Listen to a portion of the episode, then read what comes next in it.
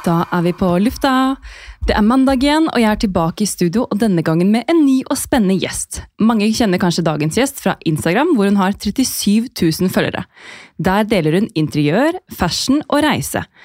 Og nå snart, nå snart så tar hun med seg hele familien og flytter til Bali. Dette gleder jeg meg til å høre mer om. Velkommen til studio, Elisabeth. Takk. Så hyggelig at du er her. Veldig koselig å være her òg. Du er så fresh med oransje blazer og rosa kjole, og jeg blir så inspirert til å gå med farger når jeg ser deg. Åh, takk, det er veldig hyggelig å høre. Jeg eh, kjører jo litt sånn colorblokk om dagen, da.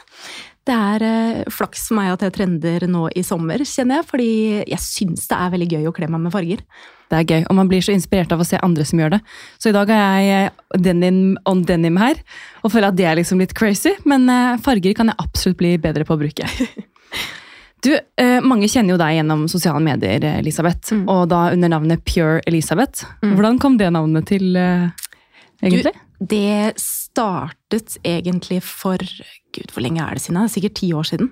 Eh, hvor jeg kom med navnet Pure Interior. Som jeg syns er Ah. veldig vanskelig å si på norsk. Det Ja. bedre når jeg prater engelsk. Ja. Um, men da hadde jeg på en måte en mye mer sånn interiørnisje, hvor jeg hadde fokus kun på interiør. Uh, og det starta selvfølgelig da med blogg, ikke sant? som det gjorde for veldig mange, før Instagram tok av. Eh, I den forbindelse så holdt jeg på med mye interiør, pussa opp en del, begynte med litt interiørdesign osv. Og, så og så har det utviklet seg mer og mer til å på en måte gå på trender og eh, like mye mote da, som interiør. For det er en liksom miks av to eh, store passions du har, som du på en måte samler i dine sosiale kanaler. da. Ja, 100% Perfekt. Jeg elsker jo de videoene hvor du står og maler eh, over sengen din. Ja. Det er sånn, det er så deilig å se på. Ah, det er veldig koselig å høre. Jeg føler at interiør og mote går litt sånn hånd i hånd, egentlig. Eh, altså Alt handler om identiteten til den som driver med det. Så du vil jo på en måte sikkert ha et annen type interiør og en annen stil enn det jeg har, fordi at det er så mye av identiteten som lyser gjennom, da. Åh, jeg føler at det er så lite inspirerende hjemme hos oss om dagen, så jeg skulle sikkert hatt litt hjelp av deg. men, eh, men jeg skjønner hva du mener. Man bygger jo absolutt eh, en sfære rundt der man bor, da. Eh, og hvor ja, du kan ta frem minner, du kan ta frem bilder som gjør at det blir liksom litt eget og unikt. da. Og det er det som er så gøy med interiør, at alle bare har det. Selv om man, man ser jo også veldig mye likt i sosiale medier for tiden. Det Men det er jo trender, da. Ja, det er trender, og jeg òg liker jo den trendbiten, men allikevel så er det liksom Jeg føler det er veldig morsomt at markedet, eller verden, har blitt mer åpen for at man har den personlige biten inni det. Så selv om man blir inspirert av magasiner, Instagram, Pinterest osv., så, videre, så får man på en måte litt personlig preg inn allikevel, og det har blitt mye mer åpenhet for å gjøre det. Og det, det liker jeg. Men hvor er det du henter mest innspo, da? Vet du hva, jeg henter egentlig mest innspo fra reise. Ja. Eh, og det kan være Jeg bor jo i Skien, så det kan være en tur inn til Oslo for den saks skyld. Altså bare arkitekturen rundt meg og menneskene, altså people watching og det å på en måte bare gå på gata og kjenne på stemningen rundt deg, det gir meg så utrolig mye.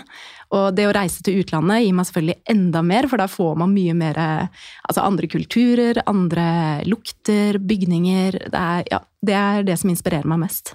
Så spennende. Du, når vi snakker om reise, så må vi jo si at vi traff hverandre jo først, for første gang eh, under København Fashion Week. Yes.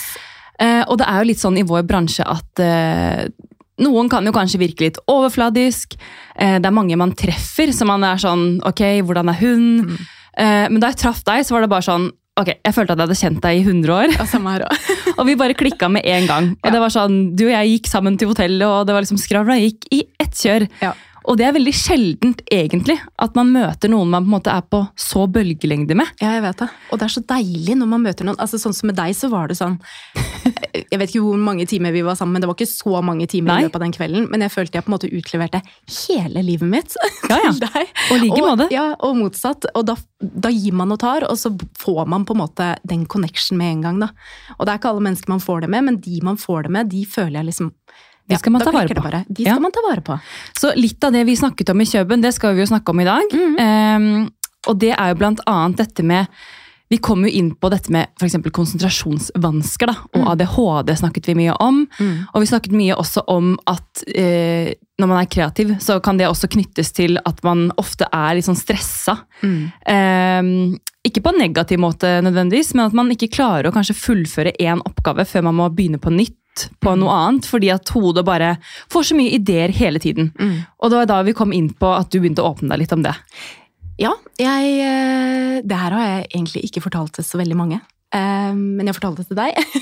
Og jeg har også fortalt det til mine nærmeste rundt meg. Jeg har jo alltid hatt ekstremt mye energi, og jeg har fått utrolig mange kommentarer på Instagram spesielt, etter at Insta begynte med Story, hvor jeg på en måte deler veldig mye av hverdagslivet, og eh, deler veldig mye av meg hele tiden.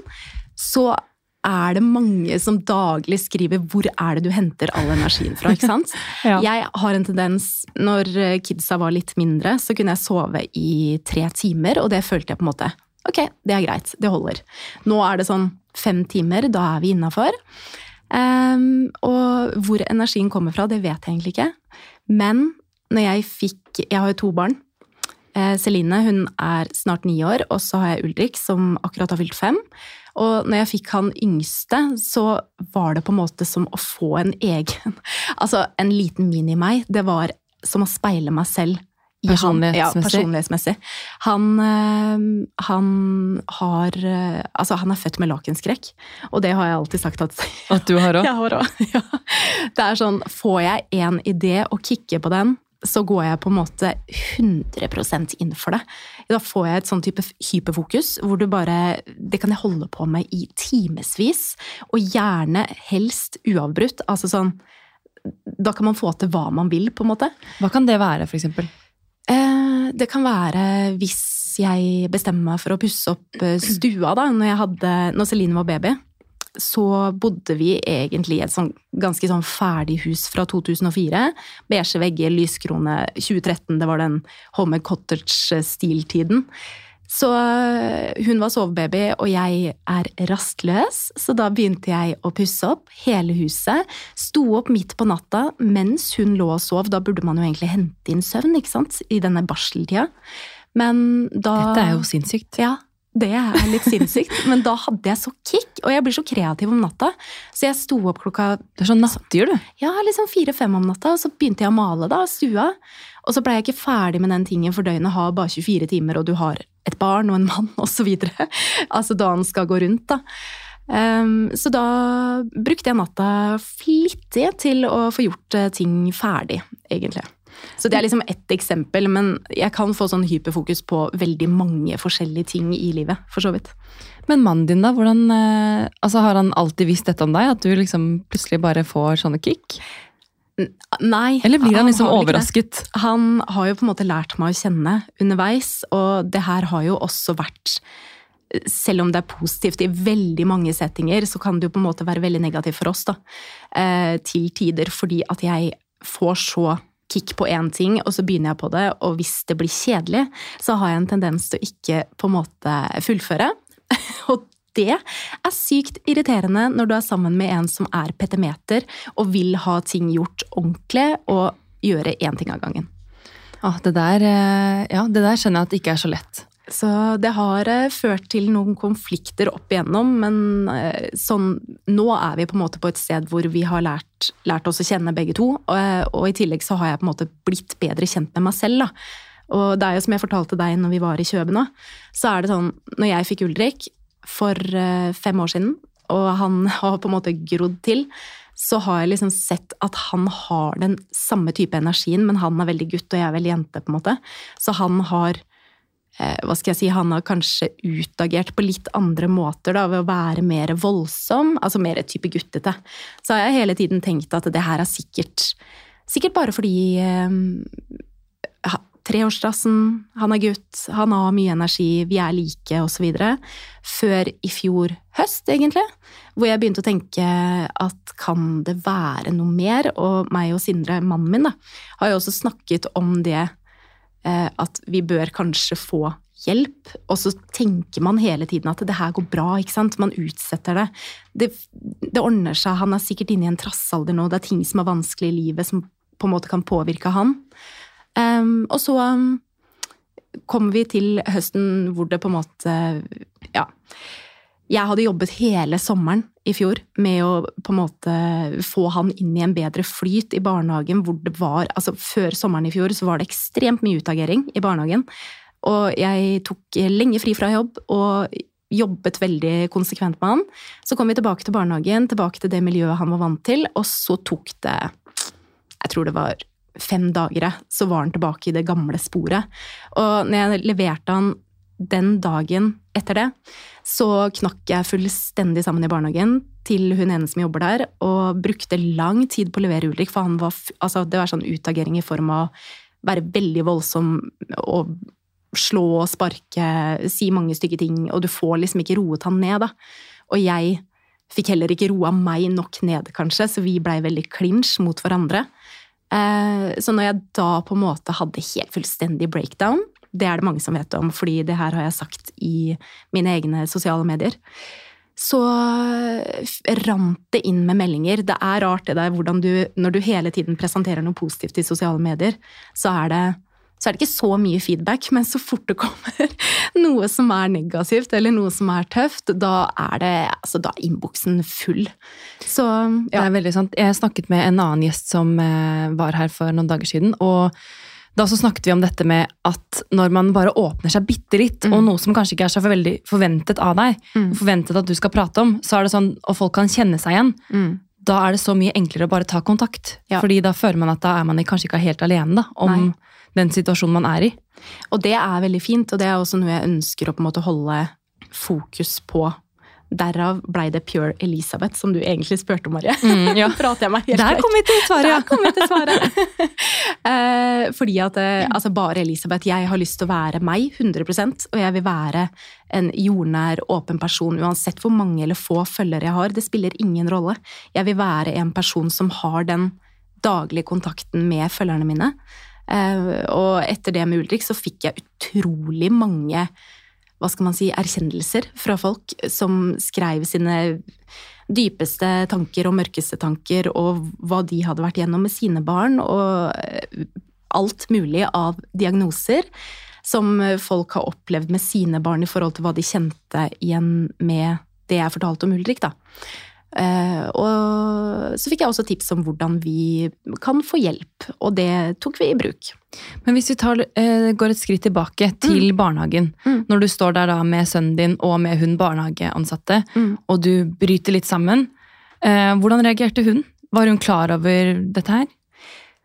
Nei, nei og ja, på en måte. Altså, de hadde jo Når du blir ringt fra april til juni før sommerferien nesten annenhver dag fordi at det har vært I dag har uh, Ulrik hatt en dårlig dag, i dag har det, har det og det gått galt, osv. Så, så har de jo på en måte en anelse om at noe er galt.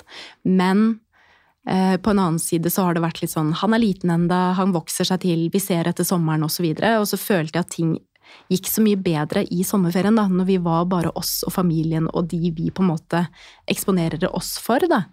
Og som man er trygge på, kanskje? Ja, som man er trygge på. Og så kommer han tilbake i en setting hvor ja, sånn som du sier, det var jo også et tegn på at det, det er en, en, følelse han ikke liker inni seg. Um, så de fikk sikkert litt sjokk når jeg Altså, det var ikke sånn litt bryte sammen, det var sånn total breakdown, liksom. ja.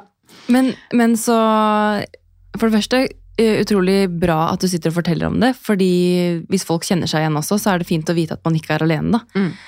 Men at du bare lot det liksom stå til. Mm. Eh, hvordan reagerte hun? Altså, ble hun litt sånn satt ut, eller?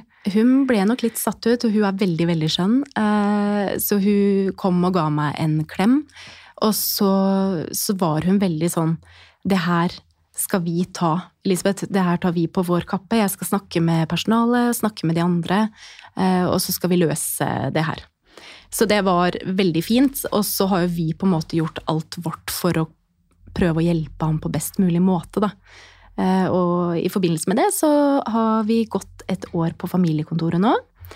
På noe som heter PMTO-veiledning, som jeg har vært sinnssykt fornøyd med. Og det var det flere av følgerne mine som eh, tipsa om. Tipsa om. Mm. Så bra, da. Mm. Så nå har det gått der et år, mm. og dere ser eh, forbedring? Ja, veldig. Mm. Og det er kanskje fordi at meg og Sindre òg hadde kjørt oss så fast i ett spor. fordi at ting, altså Det blir jo en dårlig dominoeffekt. ikke sant? Det er, sånn, det er noe negativt hele tiden fra barnehagen. Han har det vondt inni seg, det er jo det det går på. Ulrik. Eh, og vi blir jo frustrert, ikke sant. Og så begynner vi å på en måte bjeffe på hverandre, meg og Sindre. Så det vi har Det er en ond sirkel, rett og slett. ja, det er skikkelig ond sirkel. Så det å på en måte klare å bryte ut av det og få hjelp fra noen utenforstående til å på en måte bare plassere ting og eh, snakke med noen ukentlig som hele tiden minner deg på hva, hva man bør gjøre, hvordan forbedringen har vært, eller motsatt, holdt jeg på å si, det er eh, gull verdt, altså. Det blir da er- som en coaching, på en måte. Ja. Men når du sier at dere har gått der ett år, og Mm. ting begynner å bli bedre med han, hva med deg? Jo, med meg eh, Ja, hva med meg?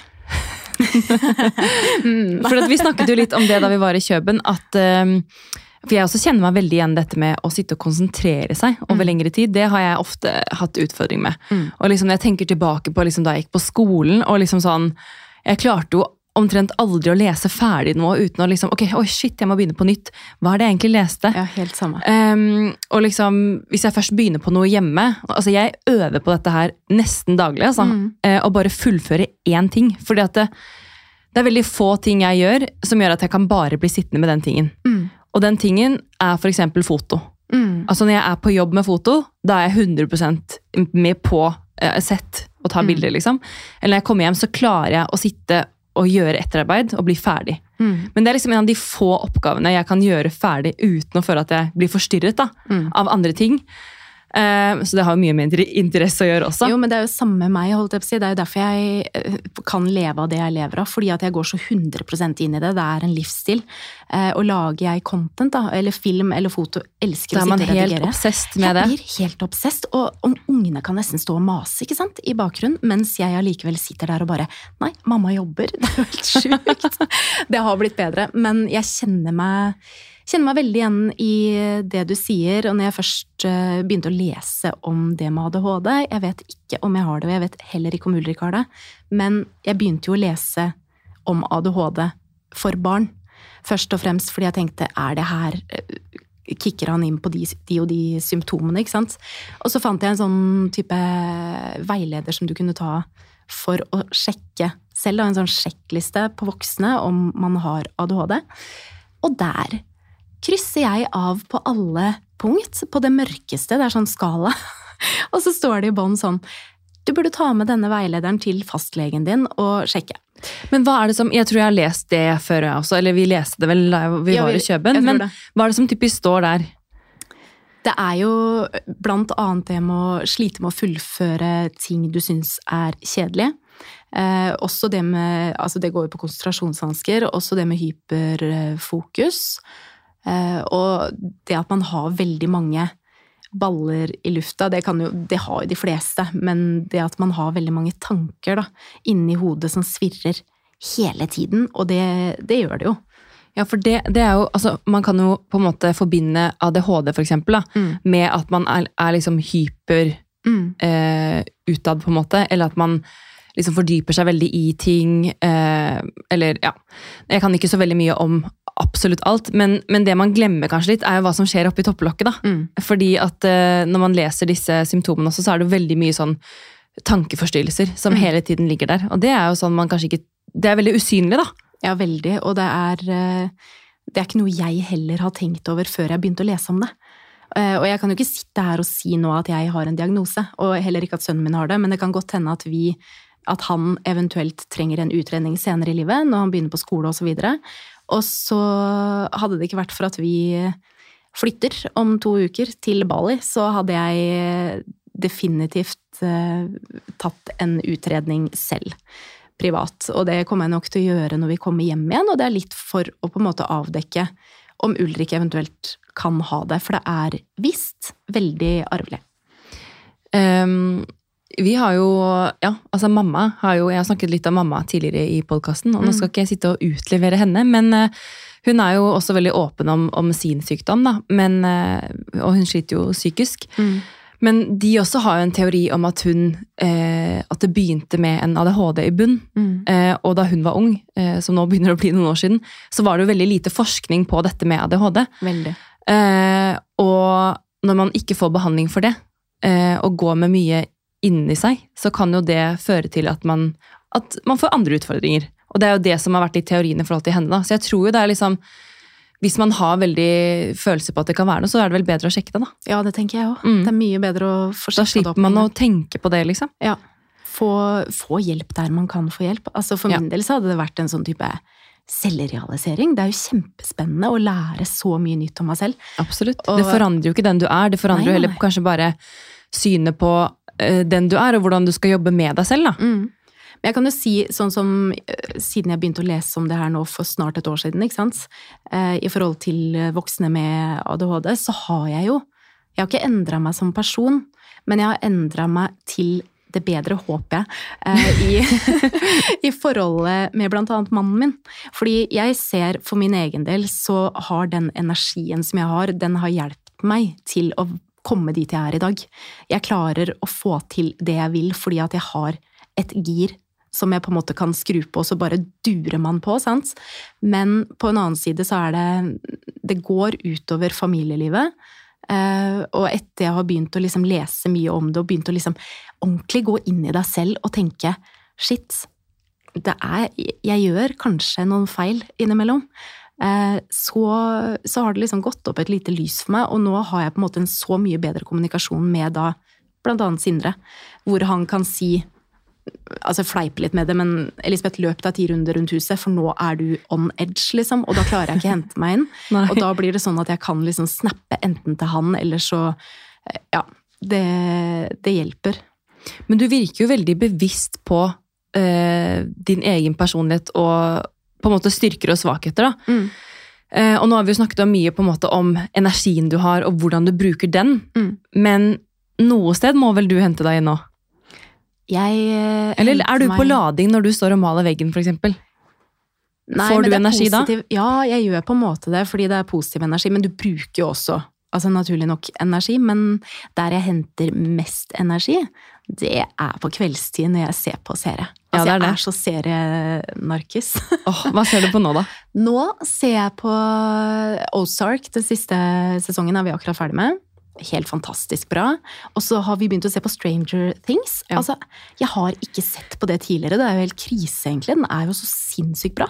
Vi, ja, Det er lenge siden jeg har sett på den nå, vi så de første sesongene. Det er, vel, er det tre sesonger? Ja, nå har det kommet nummer fjerde. Ja. Det er derfor jeg tenkte ok, fire sesonger, det her må være bra, liksom. Det er jo ganske sånn eh, crazy, da. Ja, det er ganske crazy, og egentlig så er jeg ikke så hypp på det som er sånn mega-overnaturlig. Nei, det er det jeg ikke er heller. Nei, det er mye mer derfor jeg var usikker på om jeg likte det. Mm. Men uh, ganske spennende serie, egentlig. Ja, faktisk. Den var liksom sånn overraskende til at det er så overnaturlig. Ok, Så da lader du, da, når du ser på serier. Da lader jeg, vet du. Det Hva deilig. annet eh, kan du finne på å gjøre, da, hvis du skal eh, slappe av? Eller føle at du er sliten, liksom?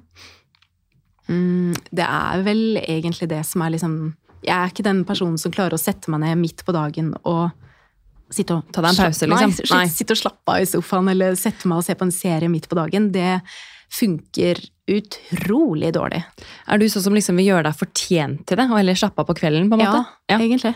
Og da kan jeg heller bare dure på hele dagen, og så kan jeg sette meg ned med god samvittighet. Og da, da kan jeg se en hel sesong, liksom. og da har du konsentrasjon til det. Eller sånn, da kan du slappe av med det, liksom. Men det må interessere meg. ja, ja. Det kan ikke her. være sånn superlett underholdning som type Altså, si The Kardashian, da, for eksempel. Selv om det, det- egentlig er veldig bra, så er det sånn Det blir sånn bakgrunnsstøy for meg. Så da ja kan jeg samme sitte på Insta samtidig, men jeg må ha en serie som virkelig liksom fanger meg. Samme her. Åh, det er så deilig. De seriene eller de filmene som gjør at du leker bort telefonen, Ja, det, det er bra, det er bra TV-serier. Ja, det er bra TV-serier, og det er bra eh, lading. Det er det. Mm. Men det er sånn, i går kveld så mm, Jeg er ofte litt sånn På ettermiddagen så er det sånn Hvis jeg er litt sliten, så liker jeg å sette på en pod, Mm. og da få gjort ting hjemme. Mm. Og det er sånn, Da også føler jeg at jeg slapper av, på en måte, men det er produktiv avkobling, hvis du skjønner. Mm.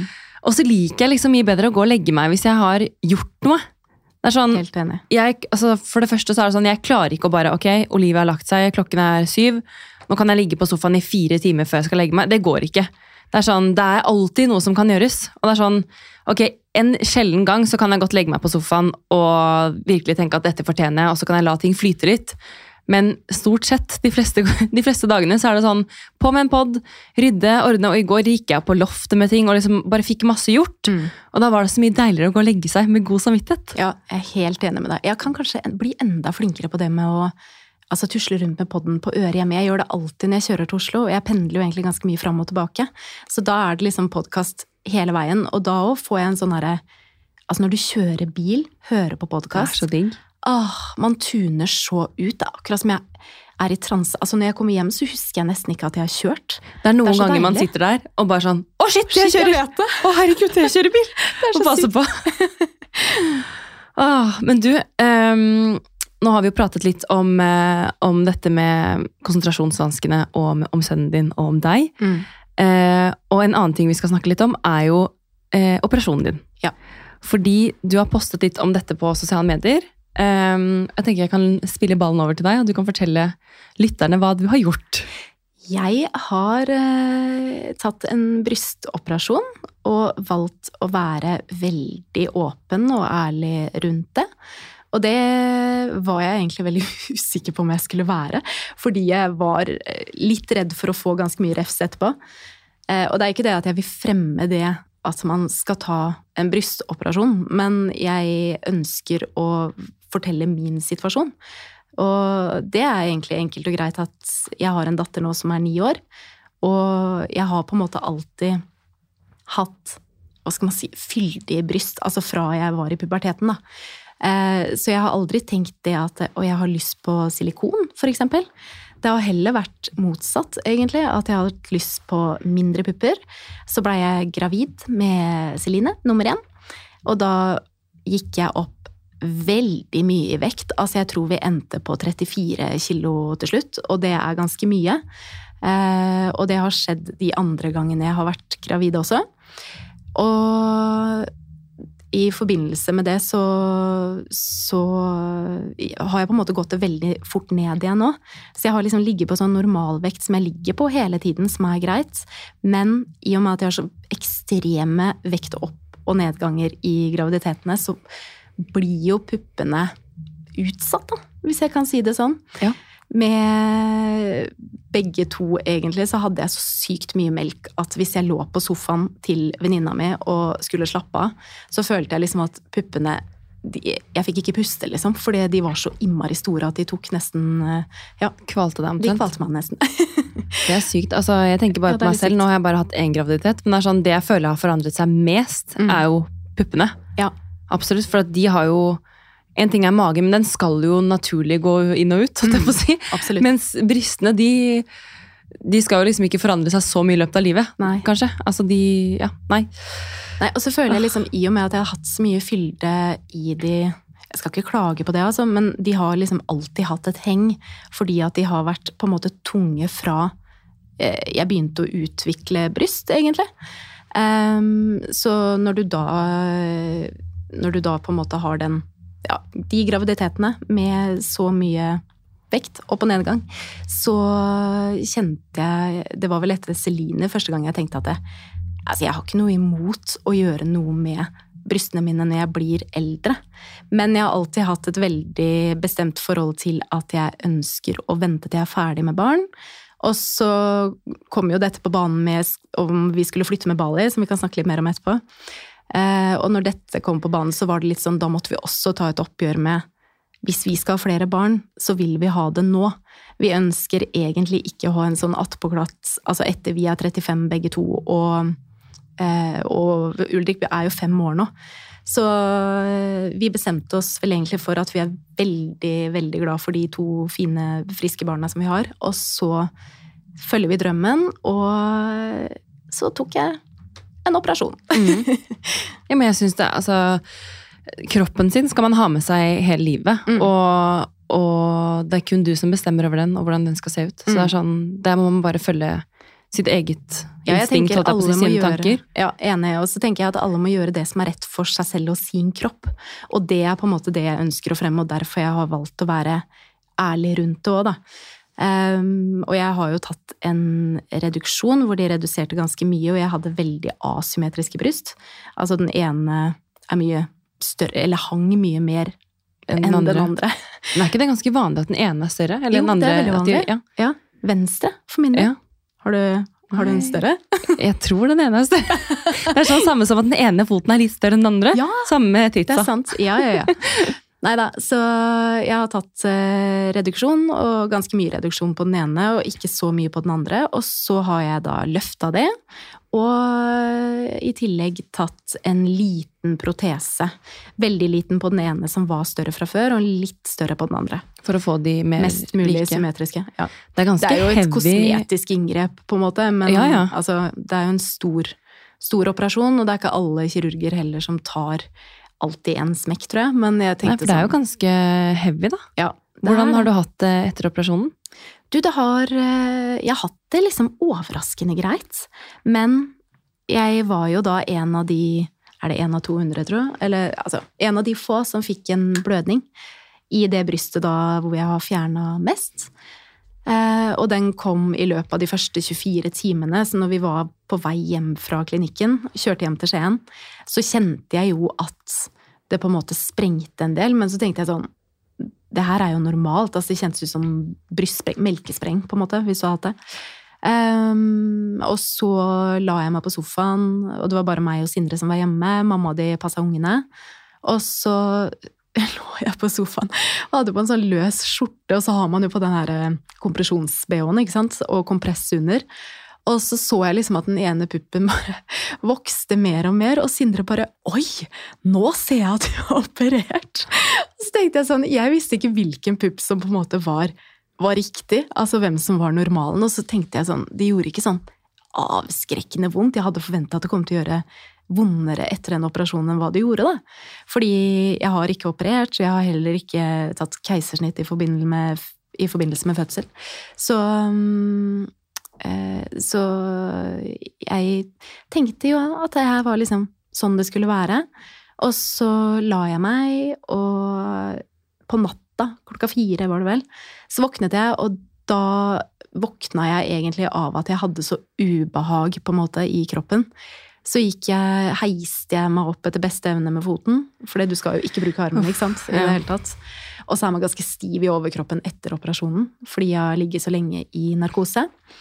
Og så gikk jeg inn på badet, og da så jeg på en måte at det var friskt blod på det kompresjonsbindet som var under. Så det begynte å blø av Ja, det begynte å renne blod nedover, og da tenkte jeg sånn mm, Det er kanskje ikke helt uh. Men fra på en måte der det var sydd, da, eller?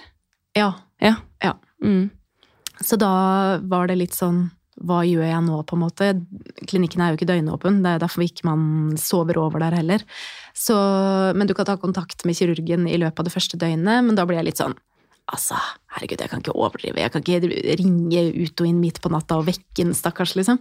Men så um, gjorde jeg det, da, heldigvis. Jeg prøvde å ringe, og så la jeg på ganske kjapt. For jeg tenkte sånn, ok, da har jeg ringt. Mm. og så ringte han heldigvis opp igjen med en gang etterpå. Du var redd for at han skulle våkne? Ja, jeg var litt redd for at han skulle våkne. Så tenkte jeg sånn, herregud, jeg følte meg så frekk som forstyrrer han midt på natta. Men de er jo der for deg, ikke sant. Absolutt. Så han var superålreit, ringte opp igjen og eh, ba meg egentlig Altså, han tok meg på FaceTime, og så ba han meg ta opp eh, bandasjen da, selv. Og da blødde det egentlig ut av alt, på en måte. Altså, oh, ja. Og jeg har jo en del sting, holdt jeg på å si. Altså, Ja. Både under Man har jo den derre kroken når du har tatt den operasjonen som jeg har, i tillegg til rundt hele nipperen, for de har jo flytta den opp. Ja, så det er ganske mye som har skjedd. Ja. Mm. Så da var det inn eh, på nytt igjen neste dag, og så fikk jeg en ny operasjon på det brystet. Så det var liksom to ganske heavy etter hverandre. Å, fy søren. Men på tross av det, sånn, så har det gått utrolig fint. Det var liksom den første uka å ta det kjempe med ro, være forsiktig. Fikk lagt Klarte du det, da? Jeg klarte det. Ja. Da Og måtte Gud, du. Da måtte jeg, og det var egentlig ganske deilig. Det er første gang i livet jeg har kjent på at eh, Nå må jeg bare ta det med ro. Nå må jeg bare. Og jeg var jo så innmari redd for narkose òg. Det var liksom det jeg var mest redd for med hele operasjonen. Um, men det var jo Altså, det var livets beste powernap. Det var så deilig! Og det var det første jeg sa når de vekte meg, og jeg bare fy søren, det her var det Dette trengte jeg. Dette trengte jeg! så nei da. Jeg har vært flink. Nå er det tre uker siden nå. Og det har eh, gått overraskende greit, egentlig. Mm. Så bra. Mm. Det er veldig godt å høre.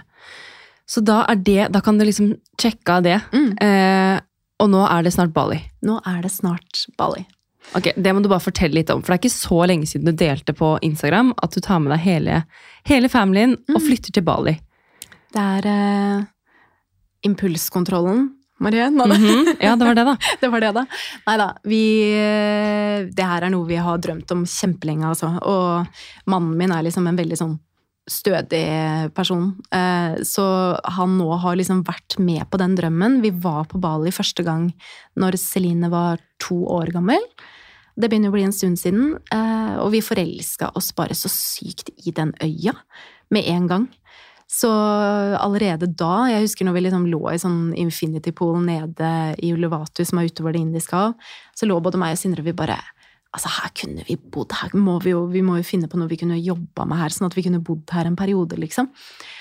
Og så har den drømmen vært med oss, men den har vært veldig fjern i lang, lang tid, før vi begynte å tenke sånn Ok, det her kan vi faktisk gjøre. For nå er Celine ni, Mm. mm, så det er ganske Så mange er år, da. år. Det, ja, det er mange år, og det er lenge siden. Og en drøm starter jo som en fjern drøm for de fleste, holdt jeg på å si. Og for veldig mange så blir den jo bare det. Men vi har liksom valgt å gå fra hva til å finne ut Hvordan? hvordan. Og når du begynner å søke opp i det, hvordan gjøre ting, så er det ikke så himla komplisert. Det bare tar litt tid, og der kommer det her hyperfokuset mitt inn igjen, da. Jeg har søkt har og søkt. alt. Jeg har funnet ut alt. eh, Og det er sikkert noen ting som er ubesvart enda, på en måte, som vi må finne ut underveis. Men nå hopper vi altså i det. Men hvor, eh, er, det, er det på ubestemt tid, eller? I utgangspunktet så er det et år, men eh, vi er veldig åpne for å kunne bli der lenger. Vi får se. Hvordan reagerer familien deres på dette her, da? De eh, Det kom på en måte ikke som et veldig stort sjokk, fordi vi har snakka så innmari mye om det. Eh, ikke om at vi skal flytte nødvendigvis, men vi har snakka så mye om Bali, på en måte. Og de syns jo at det er rart og trist, og nå når det på en måte begynner å nærme seg, og det er rett før avreise, så er det, det er mange tårer ute og går, og jeg kommer sikkert til å kjenne på det jeg òg, om en uke. Jeg, Jeg er litt sånn type som skyver det foran meg, helt til du på en måte Må face det. må face det, og da bare åpnes slusen, ikke sant. Men dere har da leilighet eller sted å bo, alt er klart der nede? Eh, nei, vi har fått pass, i Ja. det minste. Mhm. Men uh, vi har ikke funnet noe sted å bo ennå. Vi har booka hotell de tre første ukene, og så eh, vil vi på en måte ha en villa som vi leier på årsbasis. Det er planen, i hvert fall. Eh, Det er kanskje litt enklere å finne ut det når man er der Ja, og snakker med folk. Og, Og så var jeg litt sånn usikker på, for mannen min, da, Sindre, han er veldig, som jeg sa i stad, litt sånn petimeter og liker å ha kontroll. Så han, eh, han Jeg kunne på en måte tenke at han egentlig ville ha det lina. alt på plass, ja. Alt på plass og alt på stell før vi dro, men han har løsna litt, så han nå ser på en måte fordelen ved det at vi reiser ned. Så kan vi se på villa fordi Og liksom se litt hvor dere skal bo, da. Ja, både hvor vi skal Ja. bo, og så er det et annet klima. Så om det er mugg på badet eller i tak osv., så, videre, så syns ikke det. På Eh, bildene nei, nødvendigvis. Det gjør ikke det, altså. Og så er det jo litt sånn, hvis man skal bo der et år, Mm. så er det jo kanskje greit å få litt en god feeling når man kommer inn der. Ja, det tenker jeg også. Og den feelingen får du ikke alltid på bilder. Nei, nei, nei. Og så kan det være helt avsidesliggende, og så har du på en måte knytta deg opp til et år, og det er veldig mange som krever forhåndsbetalt, ikke sant. Det er litt annerledes enn her. Uh, og hvis du da på en måte har gjort det, så er det jo ikke noe vei tilbake. Ja, det er sant. Så jeg kjenner Jeg tror det er lurt at vi reiser ned, og finner vi ikke noe den første perioden nå, så har vi liksom blitt enige om at da leier vi en måned på Airbnb, eller Ja, da tar Det vi en måned. Dere har en plan B. Det ordner seg. Ordner seg. Det ordner seg. Men eh, hva er planen der nede, da? Planen er eh, Planen er hverdagen, egentlig. Og selv om man er på andre siden av jordkloden Altså, folk bor jo der òg. Folk lever Absolutt. der og får barn hver dag og skader seg og Gjør akkurat de gjør samme tingene akkurat de som her. samme tingene som her. Så Sindre får med seg jobben sin. Han jobber som eh, programmerer i Coretrek, et IT-firma. Mhm. Så han eh, vil gjøre det der nede fra. Og jeg Perfekt, da. Ja, det er veldig deilig. Det er digg å ha jobb som er remote, altså som man kan ta med seg litt hvor man vil. Og det samme med Instagram for min del, ikke sant. Eller sosiale medier, da. Jeg vil fortsette det etter beste evne, og kanskje på en måte bygge det enda mer opp. Fordi man mister jo en del annonseinntekter når man flytter fra Norge, fordi Indonesia er så langt vekk at merkevarer kan ikke å sende ja, du kan ikke sende nylanseringer ned dit, ikke sant? Nei. Så øh, sånn sett så er det litt sånn sketchy nå når jeg føler at endelig så har jeg mitt eget AS, og jeg kan stå på beina og på en måte leve av det her som har vært drømmen, da, og som jeg har ønsket å drive med så lenge. Så flytter man bare fra alt, og så skal man gjøre noe helt annet, men samtidig det samme. Så ja. Men det virker ikke som du har noe problem med å komme i kontakt med folk og ordne deg, da. Altså sånn Jeg tenker du- det fins muligheter overalt. Folk og- jobber med sosiale medier der òg. Ja, de gjør det. Så Og så er det jo verdens beste sted å lage content, så jeg tenker uh, uansett hva, så vil jeg gjøre det som inspirerer meg. Og så har jeg jobba som en gud det siste halvåret og spart det jeg kan spare hver måned. Uh, og så får vi se om det holder, rett og slett. Vet du hva, jeg har skikkelig trua, jeg. Jeg òg. Og det er litt sånn det høres jo på en måte litt sånn skummelt ut, fordi ikke alt er 100% bankers. mm, Men så er det jo den risken man må ta da. mm. Hvis man ikke tar noen risiko her i livet, så Jeg vet ikke. Jeg tror bare at man, man trenger å komme litt ut av komfortsonen. Og utfordre seg selv litt. Jeg er 100% enig. Jeg trives liksom best utenfor eh, A4-boksen. Altså, man vokser så innmari mye på det. Man gjør, tenk så mange dere kommer til å bli kjent med. Tenk, altså Jobbmuligheter for deg der nede er jo egentlig bare nettverk. man får. Ja, I alle forskjellige land rundt forbi. Altså, jeg kjenner Det føles så utrolig riktig å gjøre det her nå, og det er litt sånn nå eller aldri i forhold til barna. Fordi Celine begynner jo nå i fjerde klasse. De kommer til å gå på internasjonal skole. Eh, Så spennende. Hvordan, Veldig. hvordan syns de dette her er, da? de syns nok det er litt rart, og syns det er vanskelig å på en måte Se for seg hvordan det blir. Ja. Ja. I hvert fall Ulrik. Han er liksom fem år, så han er gammel nok til å forstå at det er noe som skjer. Men han er ikke gammel nok til å huske sist vi var på Bali. Nå har det vært en pandemi, ikke sant? vi har jo aldri vært mer hjemme i hele vårt liv. Det er helt ellevilt. Så, eh, så han sa faktisk senest i går, så lå han i senga og så begynte han å gråte, og så sier han jeg lurer så på hvordan det kommer til å være når vi er på Bali. Så han har på en måte ikke noe forståelse av det vi snakker om enda, Men så tenker jeg det viktigste vi kan gi han, er eh, tryggheten.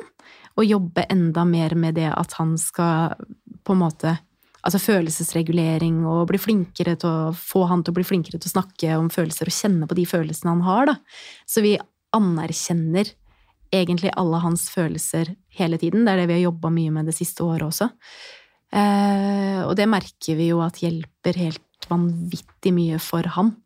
For nå, altså, utagering kommer på et, på et helt annet plan da, enn hva det har gjort tidligere. Men det blir helt sikkert utrolig rart for de å komme på en skole hvor ingen forstår hva de sier. Det er ingen andre norske der. Det er eh, franske, engelske, australske, indonesiske. Det er ingen fra Norge, da.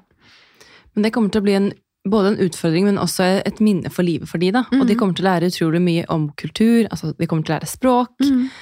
Så jeg tror det kommer til å bli fint, Ja, Ja, det tenker jeg. Og så er det liksom en investering i familielivet, kjenner jeg. Det er, Det er jo det, for det er jo dere fire som reiser ned. Ja.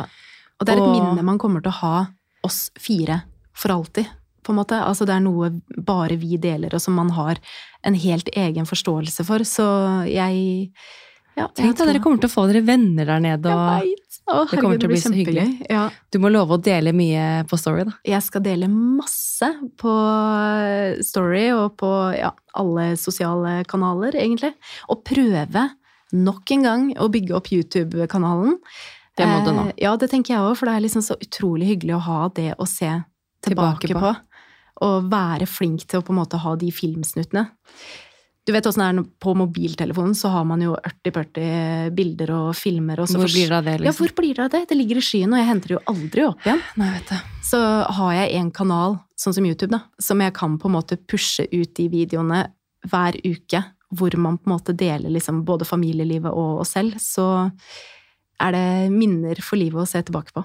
Absolutt. Og nå har jeg tida til det. Nå er det tiden. Men hvor skal, hvor skal folk finne deg, da, hvis de ønsker å komme i kontakt med deg? Eh, primært på Instagram, vil jeg si. At pureelisabeth understrek. Det, Der finner folk deg. Der finner folk meg. Samme brukernavn på TikTok og ja. Er YouTube er, vel egentlig det, eneste som skiller seg ut med Elisabeth Halbjørhus. Mm. Men du, Veldig veldig hyggelig og inspirerende å prate med deg, Elisabeth. Og takk, Takk. for at du kom til studio. Og så ønsker jeg deg og familien din masse masse lykke til. Tusen hjertelig takk. Gleder meg til å følge med, og så snakkes vi Det gjør vi. Det gjør vi. Ha det bra. Takk for meg. Ha det.